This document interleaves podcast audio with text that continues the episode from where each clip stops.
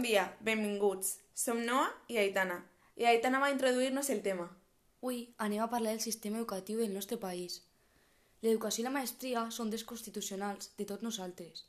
La Constitució espanyola reconeix el dret dels pares per a elegir lliurement l'educació dels seus fills i el dret d'aquestos reben una educació moral i religiosa, d'acord a les creences i conviccions dels seus pares. L'educació bàsica és gratuïta, però també és obligatòria, ni encara que la pràctica del batxillerat tampoc té coste per a l'alumne. Hi ha sis nivells d'educació. L'educació infantil, entre els 0 anys i els 6, i no és obligatòria.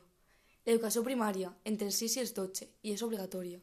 L'educació secundària, obligatòria entre els 12 i els 16. Després, l'educació secundària, postobligatòria, i tens que tenir el títol de l'ESO per a cursar batxillerat o un grau mig. I per últim, l'educació superior. És la maestria universitària, per exemple, la formació professional del grau superior. Noa, i el sistema senzill per als alumnes? Bé, encara que el sistema educatiu espanyol està perfectament adaptat a cada fase, en moltes ocasions els alumnes necessiten una ajuda extra per assimilar molts conceptes. Com afecta? Bé, per una banda, alguns dels problemes que ens suposen són que l'alumne fa el mínim esforç perquè el sistema no li requereix més. La promoció automàtica li permeteix passar de curs encara que li queden totes les assignatures. Aleshores, la solució que propose és que l'alumne tinga que repetir curs tantes vegades com siga necessari i puga passar amb dues assignatures com a molt.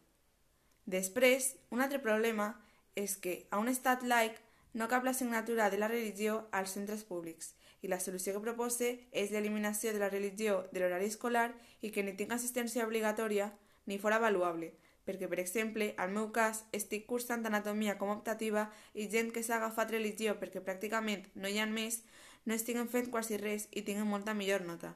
Després, un altre problema és el fracàs escolar com a problema malentengut, ja que es parla de fracàs escolar quan un alumne no ha arribat a un nivell esperat per a la seva edat i nivell pedagog.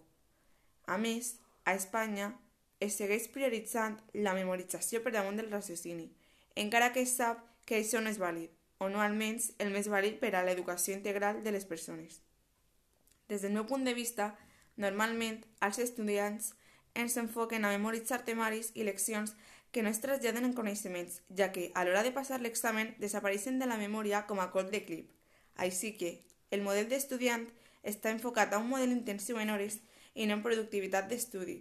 Està marcat entre la competitiva entre notes i no per les competències i habilitats que puguen tindre els mateixos. Aleshores, Aitana, i com podem millorar aquesta situació? Podem fer plantejaments per a que fora millor, com invertir en l'orientació acadèmica i professional, oferir a l'alumnat programes formatius de qualitat i reforçar la FP, renovar l'equip docent per evitar la falta de professorat, fomentar el treball co col·laboratiu, fomentar la lectura, donar més veu als alumnes, fer més fort la relació entre el sistema educatiu i el mercat laboral, treballar les emocions, augmentar la inversió en educació, plantejar reptes, obrir l'aula a altres veus i conèixer més allà de les matèries. En conclusió, el sistema educatiu espanyol té distintes etapes, adequadament adaptades a cada fase dels estudiants, però a la vegada té propostes per a millorar-lo i descontents per part d'altres persones. Aleshores, Aitana, i el nostre punt de vista? Des del nostre punt de vista, el nostre sistema que estem vivint dia a dia no es pareix el més afavorit, encara que entenem que vol ser el més adequat per a tots. Així finalitza el nostre podcast. Adeu! Adeu.